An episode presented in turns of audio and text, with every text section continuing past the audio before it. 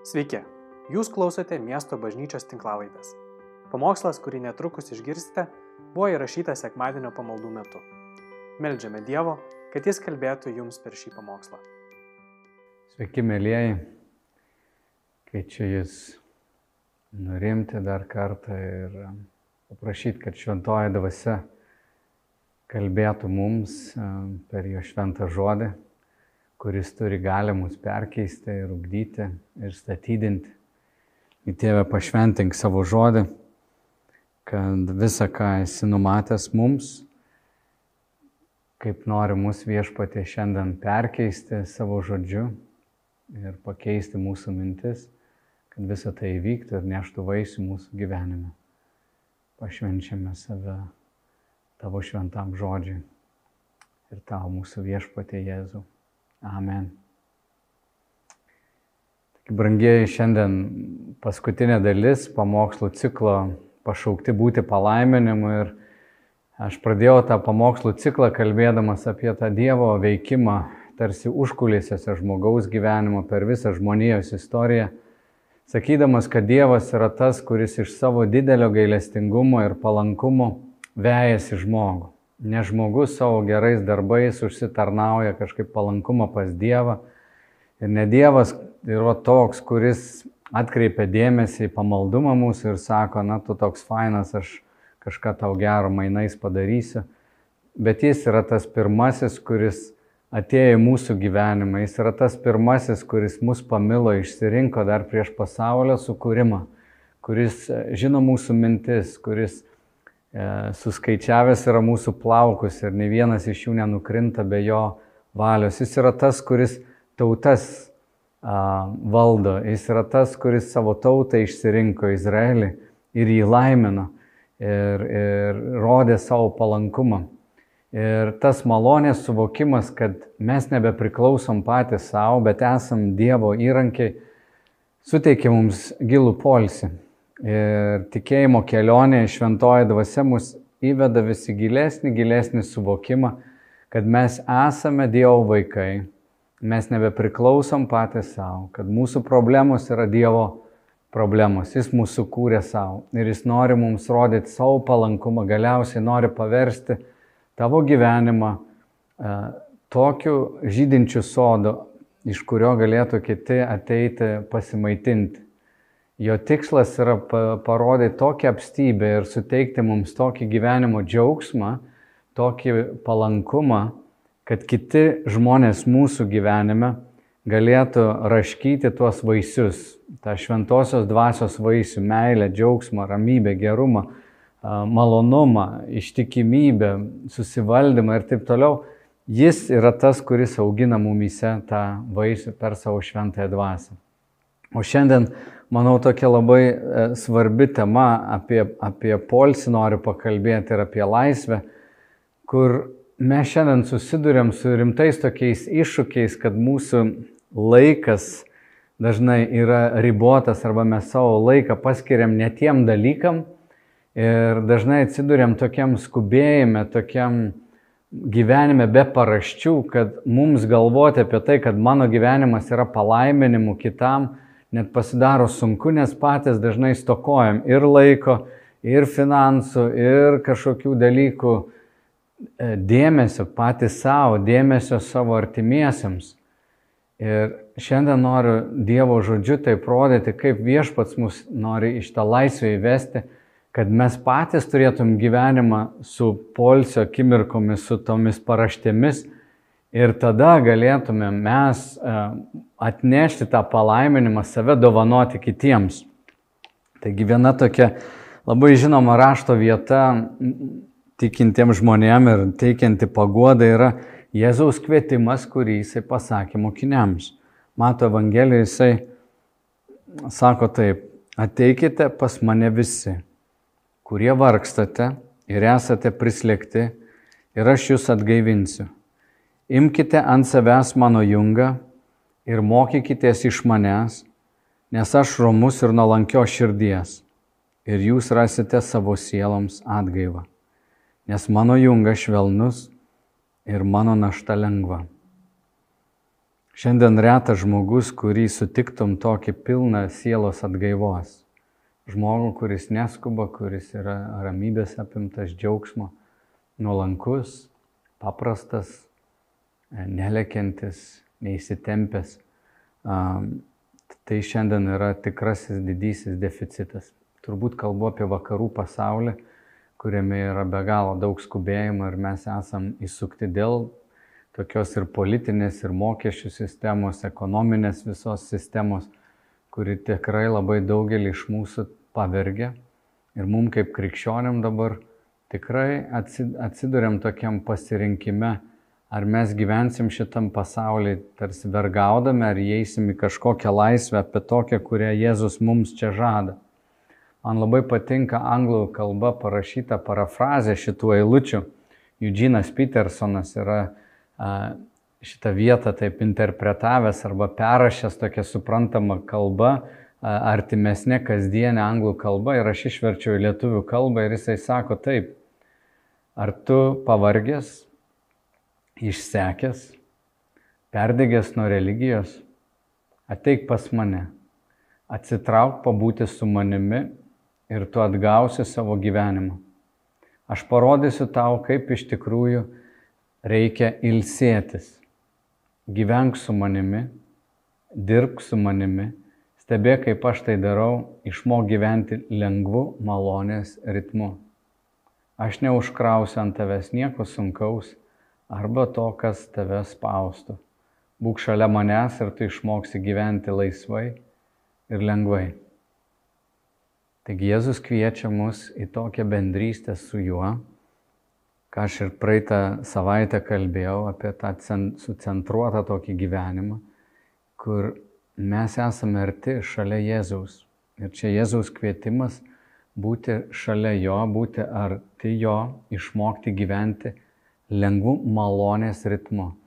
Malonė tai reiškia, kad Dievo palankumas yra tas vedlys, tu gyveni be įtampos, tavo naštos tau nėra per sunkios ir uždaviniai, kurie yra tau gyvenime patikėti, jie nespaudžia tavęs, jie, jie nevaržo tavęs. Um, Jėzus sako, tokiu būdu gausi savo sielai atgaivą, išmoksi gyventi laisvai ir lengvai.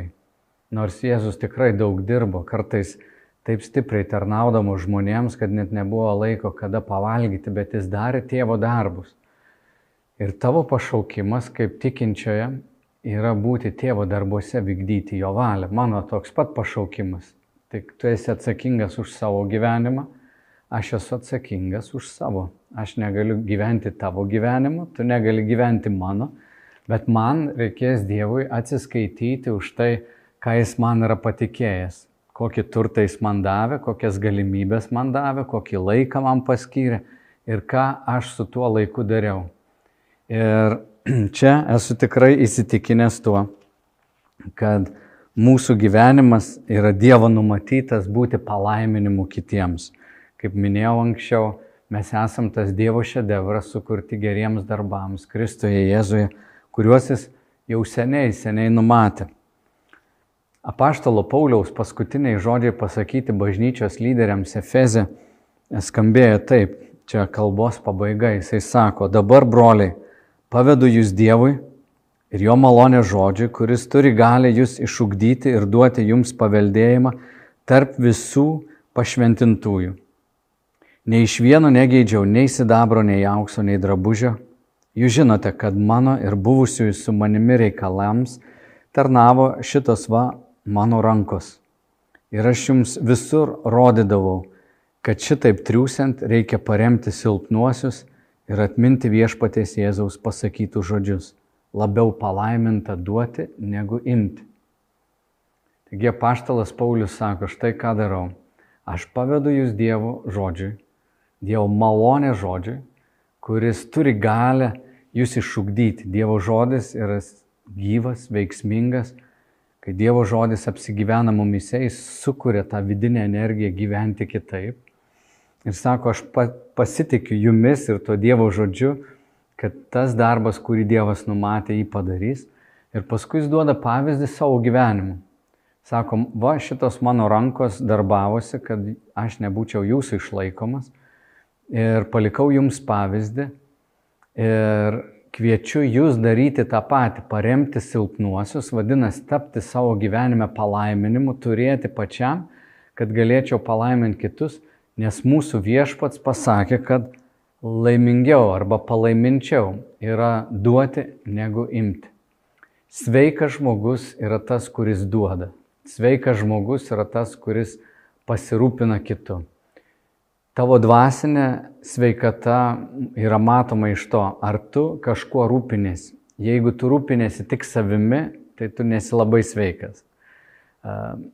Žmogus, kuris susirga, jau kiti turi juo pasirūpinti, ar ne? Arba tu esi, tarkim, kūdikis dvasia ir kažkas tave maitina nuolat, tau atneša pienuko duoda, kažkaip tave apvalo, nuprausia, kai tu nukrenti, tave pakelia. Gali toks amžius būti.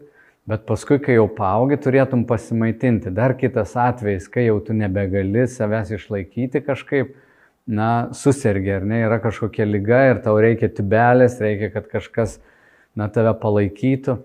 Tai dvasiniam gyvenime mes atsidurėm kartais tokiuose situacijose, kai esam nelabai sveiki. Bet šiaip sveikata pasireiškia tuo, kad aš save išlaikau, gebu savim pasirūpinti ir galiu kažką duoti dėl kitų, galiu save dovanoti kitiems. Ir palaiminčiau yra gyventi tokioj būsenoj, kad aš galiu kažką duoti, negu būti tokioj būsenoj, kad aš turiu nuo kito priklausyti ir gauti pagalbą. Jūs visi turbūt sutiktumėt su manim, kad ligoniniai gulėti ir būti pajungtam tibelės arba kad tave kažkas aptarnautų ir keistų tau sauskelnes tikrai nėra malonesnis dalykas nei pačiam savim rūpintis, ar ne? Ir priimti pagalbą yra gan sudėtinga. Taigi dvasinis gyvenimas, jis irgi pasireiškia sveikata tuo, kad mes tarnaujame, mes atiduodame kažką iš savęs. Bet labai sunku tarnauti mums, jeigu mes patys neturim laiko, neturim energijos, esame įsitempę, pervargę, neturim emocinės jėgos, neturime laiko arba dėmesio skirti kitam. Štai kur didžioji problema. Mm, vienas autorius parašęs, Gregas Estabrukas, parašęs knygą Kaip gyvenimas gerėja, o žmonės jaučiasi blogiau, kalba apie vakarų pasaulį. Išsirašiau šitą citatą. Jis sako, vakarų pasaulyje gyvenantys žmonės, lyginant su likusiu pasauliu, yra dešimt kartų labiau linkę susirgti depresiją išgyventi neigiamus jausmus be jokios priežasties nei prieš, nei prieš pusę šimtmečio. Amerikiečiai ir europiečiai visko turi daugiau išskyrus laimės. Visko turi daugiau išskyrus laimės.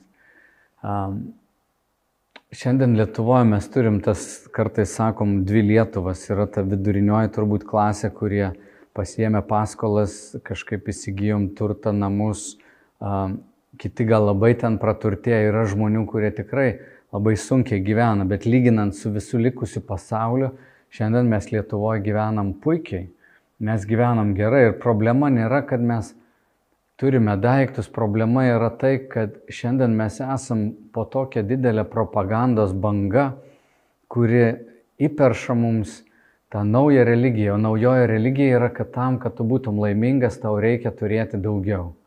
Čia yra vakarų pasaulio, yra viso ekonominio variklio na, propaganda, kad tau neužtenka to, ką tu turi arba ko tau reikia, bet tu turi gyventi dėl to, ko tu nori. Ir tau yra nuolat įperšami dalykai, tai yra tau nuolat yra įkišamas kažkoks noras, ko tau trūksta, kad tu būtum laimingesnis.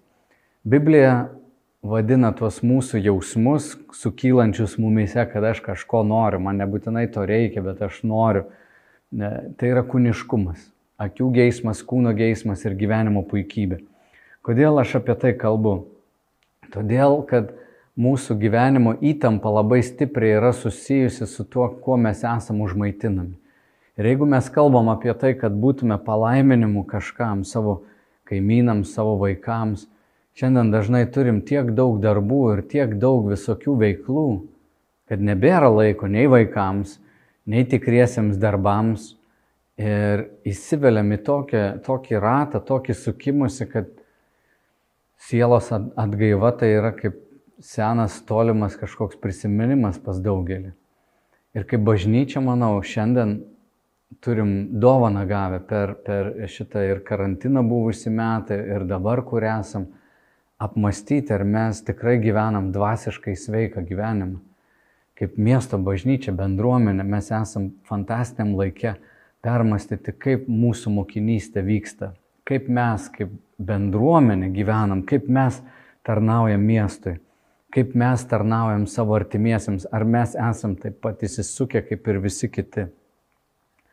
Laiškė Timotėjai turtingiam žmonėms apaštalas Paulius sako, Timotėjau pasakyk jiems apie tą turto apgaulę, bet šiaip jisai sako, turėdami maistą ir drabužį, būkime patenkinti turėdami maisto ir drabužį būt, būkime patenkinti. Manau, kad šiandien, kas turi maisto ir drabužį ir tiek te turit, nu, mes turbūt sakytum, čia yra skurdas, neturėti pramogų, neturėti atostogų užsienyje, neturėti uh, skanaus maisto, neturėti gausybės pasirinkimų, mat, ką nuveikti ten savaitgalį, automobilio neturėti arba pramogų.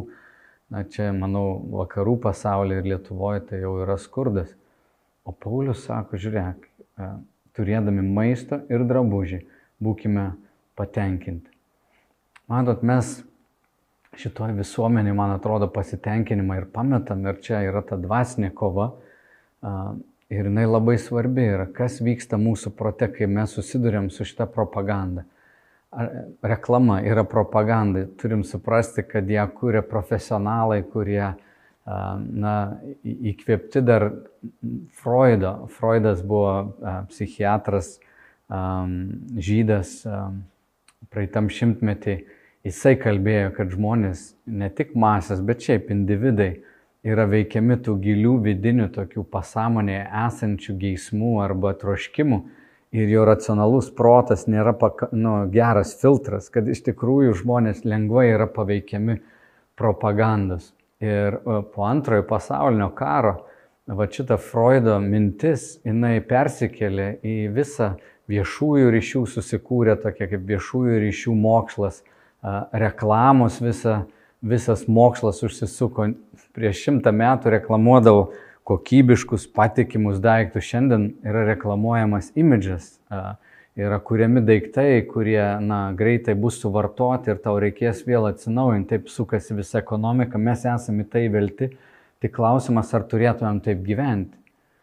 Ir žiūrėk, labai rimtas klausimas tau ir man, kai mes įsigijom turtą, susigalvojom naują pramogą, naują hobį, turim suprasti, kad tai paims mūsų dėmesį arba mūsų pinigus. Žiūrėk, turtas lygų pinigai, pinigai lygų laikas, jeigu nėra laiko, lieka skubėjimas.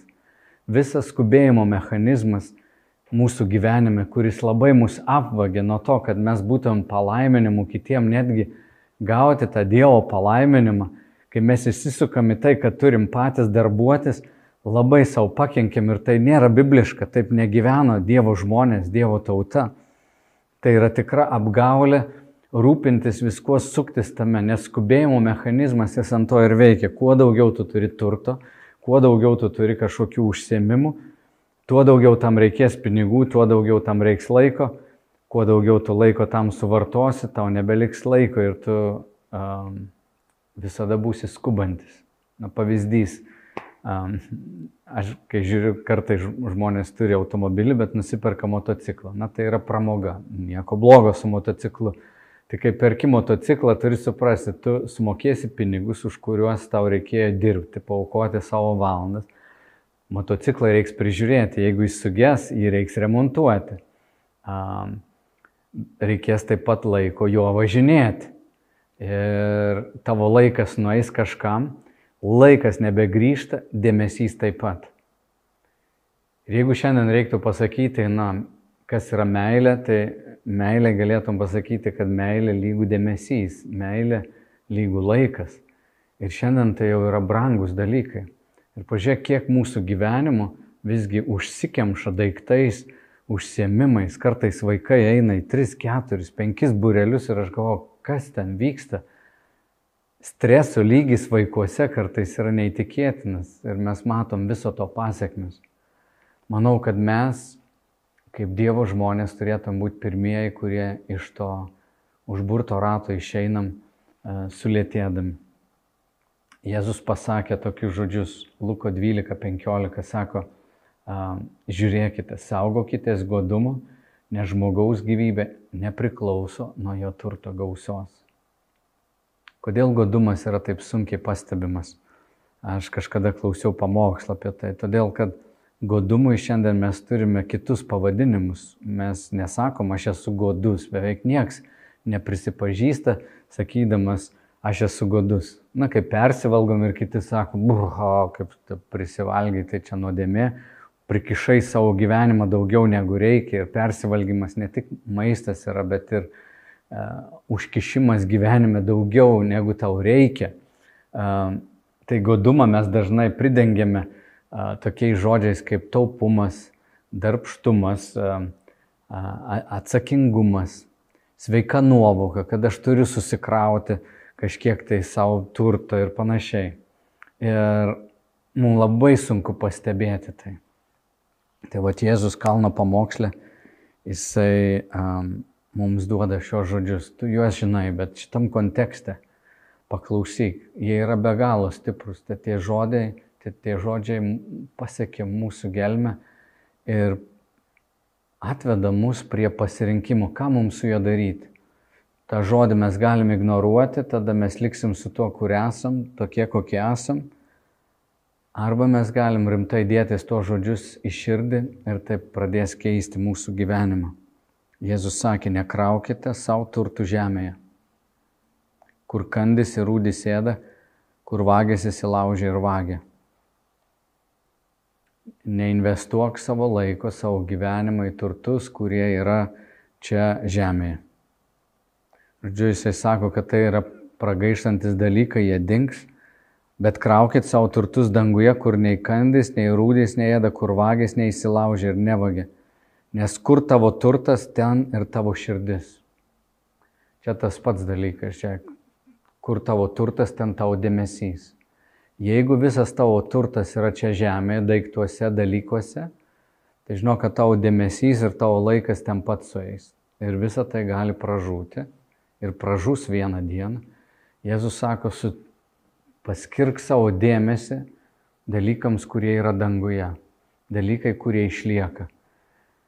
Svarbiausi dalykai gyvenime nėra daiktai svarbiausi dalykai ir yra laikas praleistas su žmonėmis, meilė, kur yra parodyta dėmesys, laikas su Dievu. Jis toliau tęsia, kūno žiburys yra akis, todėl jei tavo akis sveika, visas tavo kūnas bus šviesus, o jei tavo akis pikta, visas tavo kūnas bus tamsus. Tai jeigu tavyje esanti šviesa yra tamsa, tai kokia baisi toji tamsa. Apie ką čia Jėzus kalba, apie kokią akį? kūno žiburys yra akis. Čia yra akis kalba apie žvilgsnį. Žydų sampratoje tai buvo sąmoningas, protingas, tikslingas gyvenimas pavestas Dievui yra sveikas, sveikas žvilgsnis ir taip pat jisai pasireikždavo dosnumu, tai yra pasirūpinimu vargšais. Nesveika akis, kreivas žvilgsnis, neteisingas žvilgsnis, požiūris tavo, požiūris į gyvenimą jeigu jinai yra nesveika, jeigu tavo požiūris nesveikas ir tu vertini daiktus labiau už žmogų, jeigu tu vertini laiką daiktuose, rūpinimasi kažkokiu turtu, bet nematai žmonių, jeigu tavo požiūris nesveikas, tai kokia, sako, baisi tavo tamsybė visame vi, tavo viduje. Toliau, jeigu nesupranti dar va, tos takoskiros Jėzus toliau tęsia, sako, niekas negali tarnauti dviem šeimininkams.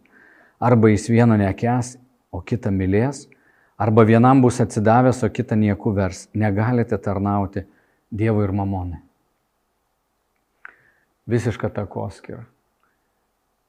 Arba aš pašvenčiu savo visą gyvenimą Dievui, tame tarpe ir turtą, ir nusavybę, ir savo laiką, Arba aš tarnauju savo turtu, bet tada Dievo aš negalėsiu tarnauti. Dievas man liks pariby.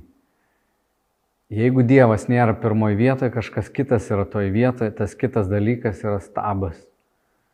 Ir čia šventoji dvasia kovos su tavim manim, kad mes nebūtum apgauti, kad mes nebūtum nuskriausti patys savęs ir tų pasirinkimų, kad netaptumėm vargšai, prisikrovę daug turtų.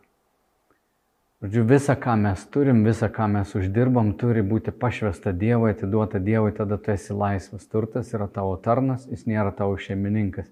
Jeigu turi daug turto, turėsi daug rūpešių. Bet jeigu pašvesi visą tai Dievui, būsi pasiruošęs tuo tarnauti, tu tapsi laisvesnis. Vis tiek tai atims tavo laiką, kuo daugiau daiktų turėsi, tuo daugiau rūpešių bus, bet pašventęs tai Dievui, tu turėsi laisvę. Jeigu tu netiki, kad čia kalbama apie rūpestį ir dėmesį, tai klausyk, ką Jėzus toliau sako. Todėl, todėl, todėl sakau jums, nesirūpinkite. Nesirūpinkite. Kas nesirūpinkite, čia kažkokia tinginių evangelija. Man e, vienas žmogus šią, šį savaitgalį sako, kai išgirdau tą, tą mintį tokia, kad reikia laukti Dievui paklūsti, tik jo, tai taip atrodo, na čia kažkokia tinginių evangelija. Tiesiog sėdėkim, nieko neveikim ir viskas bus ok. Na, ne apie tai kalba. Jėzus sako, nesirūpinkite, jis nesako, nedirbkite, nesiekite, jis nesako, neikite į darbą Jis sako, nesirūpinkite savo gyvybę, ką valgysite ar gersite, nei savo kūnų, ko vilkėsite. Argi gyvybė nedaugiau už maistą ir kūnas už drabužį. Pažvelkite padangių paukščius, jie nei sėja, nei pjauna, nei klonus krauna, o jūsų dangiškasis tėvas juos maitina. Argi jūs nedaug vertesni už juos. Taigi čia ta atgaiva. Dievas vėl kreipia mūsų dėmesį tu negali pakankamai pasirūpinti savo gyvenimu. Jis toliau sako, kas iš jūsų gali savo rūpešių per sprindį pridėti savo ūgio. O kaip aš norėčiau savo pridėti ūgio. Visą laiką žiūri žmonės galvo užvertęs, nes esu žemo ūgio.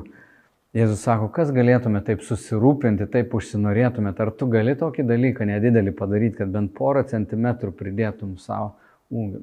Ne tu savo gyvenimo nevaldai, kodėl tau atrodo, kad tu gali viską kitką suvaldyti.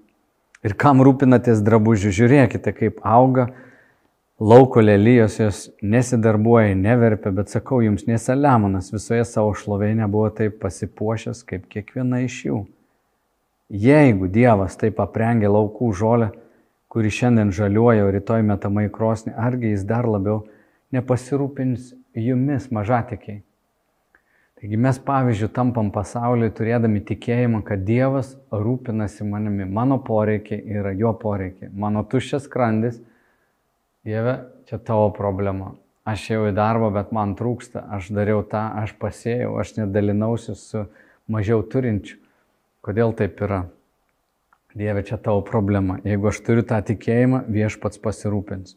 Ir toliau jisai sako dar kartą, Todėl, todėl nesirūpinkite ir neklausinėkite, ką valgysime arba ką gersime arba kuo vilkėsime. Visų tų dalykų ieško pagonės. Jūsų dangiškasis tėvas juk žino, kad viso to jums reikia. Mes kalbam apie tai, ko mums reikia. Tai, ko mes norim, nebūtinai Dievas nori mums duoti. Yra tokia klėstėjimo evangelija, kuris sako, viską, ko tu nori, Dievas tau duos, visa visata su tavim bendradarbiaus kad tik tu gautum, ko tu nori, ko tik užsinorėsi, tą Dievas tau ir duos. Netikiu šitą Evangeliją. Sako, viską Dievas žino, ko tau reikia, bet nebūtinai, ko tu nori. Bet raginimas yra pirmiausia ieškoti Dievo karalystės, jo teisumo, o visa tai bus jums pridėta. Taigi, nesirūpinkite rydieną, nes rytojus pats pasirūpins savimi. Kiekvienai dienai užtenka jos vargo.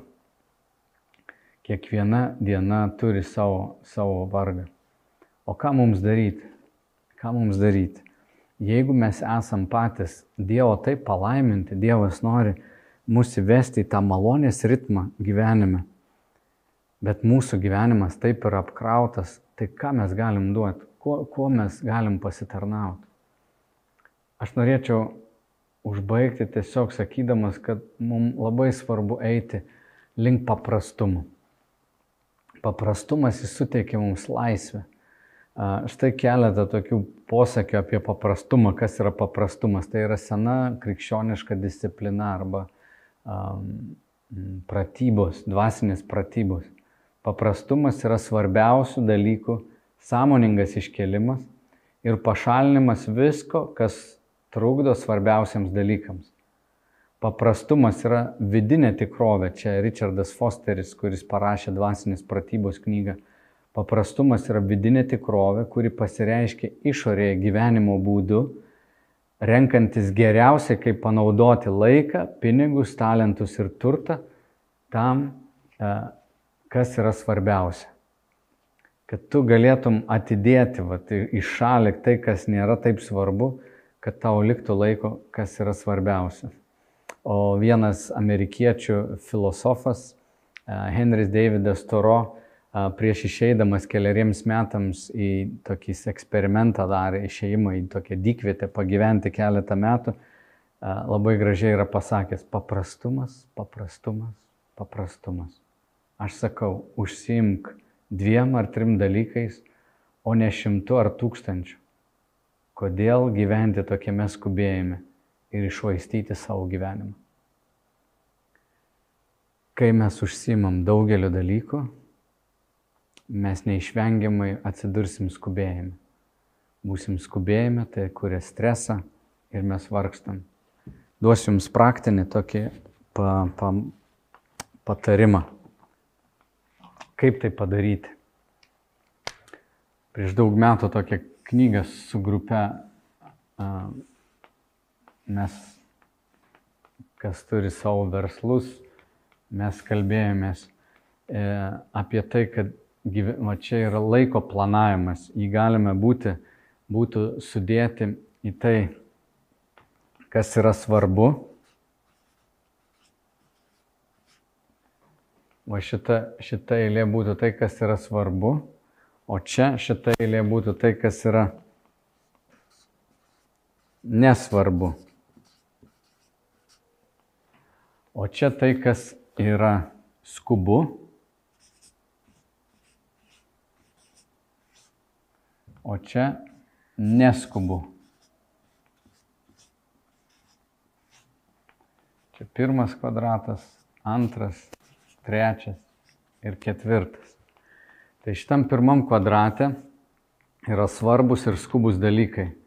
Aš čia nerašysiu, bet tai būtų projektai įvairūs, svarbus susitikimai, kurių tu negali atidėti. Tai tam, kam esi pasi, pasižadėjęs, tarkim, pradėjai tu mokslus, tau yra egzaminai, tai bus skubu, tu turi pasiruošti, esi papuolęs į tokį tvarkaraštį ir tu niekur nedings.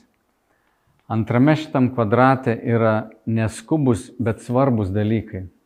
Ir čia yra gyvenime pats svarbiausias kvadratas. Čia bus tavo savęs ugdymas, čia bus polsis, naujų galimybių atradimas, čia bus santykiai su žmonėmis. Tai, kas tau yra brangiausia, iš tikrųjų, va čia yra tavo tikrieji prioritetai. Bet jie nėra, tokie svarbus. Dievasgi nereikia iš dangaus. O, kodėl tu nesimeldi jau dabar 9 ryto, arba ten 5 ryto, kokia ten valanda bebūtų, arba 12 dienos bet tavo bosas, tavo darbdavys, jisai gali paskambinti ir sakyti, kur ataskaita, kur ataskaita. Tu turėjai ją padaryti, tavo sukrauti darbai, nuo kurių tu negali pabėgti. Ir mes čia vargstam. Bet yra dar kiti dalykai, pavyzdžiui, nenumatyti skambučiai, kurie yra nesvarbus, bet jie labai atrodo skubų. Žmogus paskambina, sako, klausyk, ar gali, kur tu tenais, tenais kažkokį dalyką, aš žinau, kad tu žinai apie tai, gal gali man papasakoti. Ir kai tau čirškia va tas skambutis, galbūt tu sėdi meldiesi, galbūt tu save ugdai, skaitai kažkokią knygą, tau kažkas skambina, tai gali būti visiškai nesvarbu, bet skubu. Ir va tu papuoli į, į tokią bėdą, kad nu, tie dalykai, kažkokios nenumatytos krizės, pas mane va sugėdo už vakar a, skalbyklė ir tai yra nenumatyta, bet skubu. Pas mus po kelis e, tuos reisus per dieną prasukam skalbinių, nes daug e, šeimos narių ir man tai yra krizė, aš turiu skambinti, turiu kažką daryti. Ir sakau, čia svarbu, bet tai nėra gyvenimo svarbus dalykai, tokie, kurie papultų į mano absoliučių prioritėtų e, vietą. Na, o čia yra neskubus ir nesvarbus dalykai. Čia tavo Netflixas papuls, čia papuls tavo šiaip kažkoks sėdėjimas, nieko neveikimas, kažkokie skambučiai, kurie irgi nėra skubus, kažkokie darbeliai, kuriuos galėtum daryti, o galėtum ir nedaryti, bet nedaug kas nuo jų keičiasi. Šiaip gyvenime, kas įvyksta, kad mes labai na, atsiduriam, vat, beveik visi žmonės juda šituose trikampiuose. Labai šitą, tai kas neskubu ir svarbu, yra labai sunku tam laiko rasti. Bet čia turėtų būti tavo mano prioritetai. Kas yra šiandien skubu ir svarbu, tu turi atlikti. Iš čia tų darbų negali paimti, negali sakyti, einu dabar Bibliją paskaitysiu, egzaminus išlaikysiu kitą kartą, arba tą projektą atidėsiu dabar. Nu, tu to negali daryti. Yra nesvarbus dalykai, bet skubus, kuriuos gal gali kažkiek tai savo gyvenime na, peržvelgti.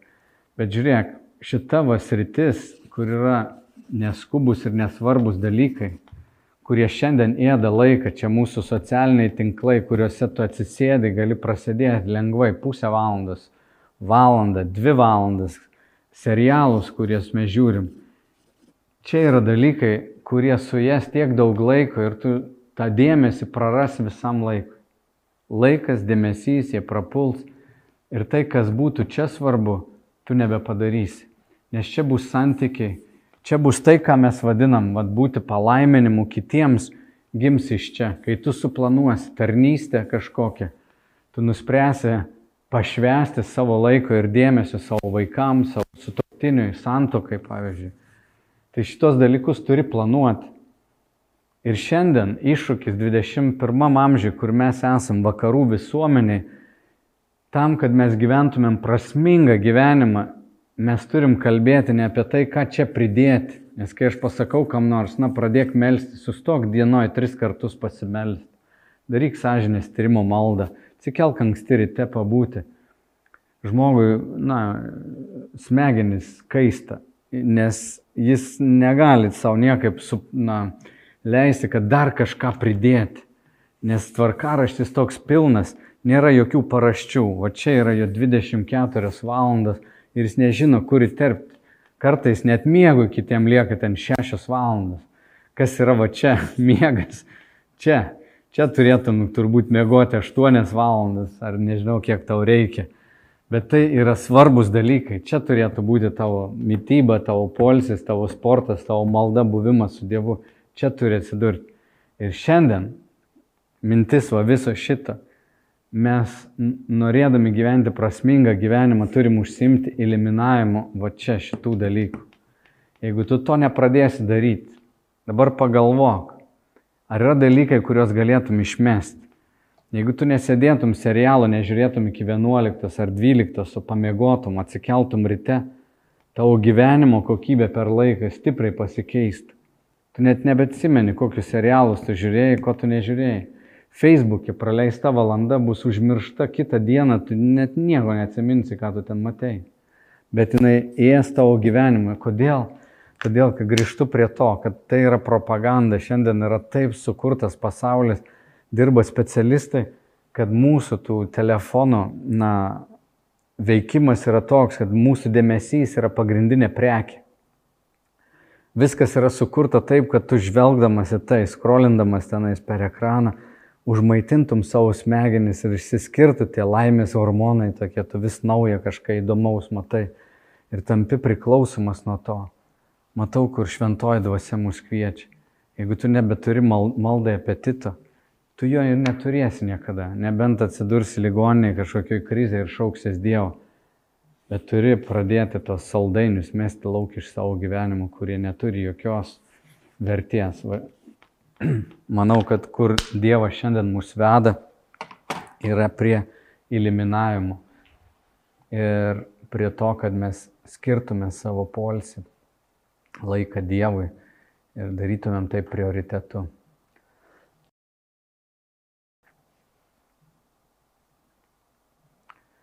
Taigi, brangieji,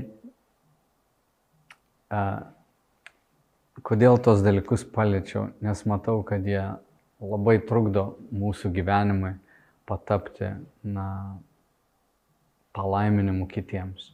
Jeigu mes neturim savo gyvenime paraščių, Ir neturim kaip laisvai va pasirinkti, kaip aš galėčiau patarnauti ten savo laiku, savo dėmesiu, savo turtu kitam žmogui. Jeigu pats esu į tai kritęs, tai turiu susitvarkyti savo gyvenimą. Ir viešpats Dievas, jis pažadėjo mums, kad jeigu mes nesirūpinsim, jeigu mes paliksim kai kurios dalykus savo norus, gyvensim paprastume, mes patys atrasim polsį būdami su Jėzumi, bet mūsų gyvenimas pavirsta dovana kitiems. Ir meldžiu, kad šventoji dvasia mus visus e, pastumėtų link tos misijos sutvarkyti savo gyvenimą, pavesti viešpačiui savo rūpešius, savo turtus, kad atsiradus erdvėjai, naujai energijai mes galėtumėm savo gyvenimu patarnauti kitiem.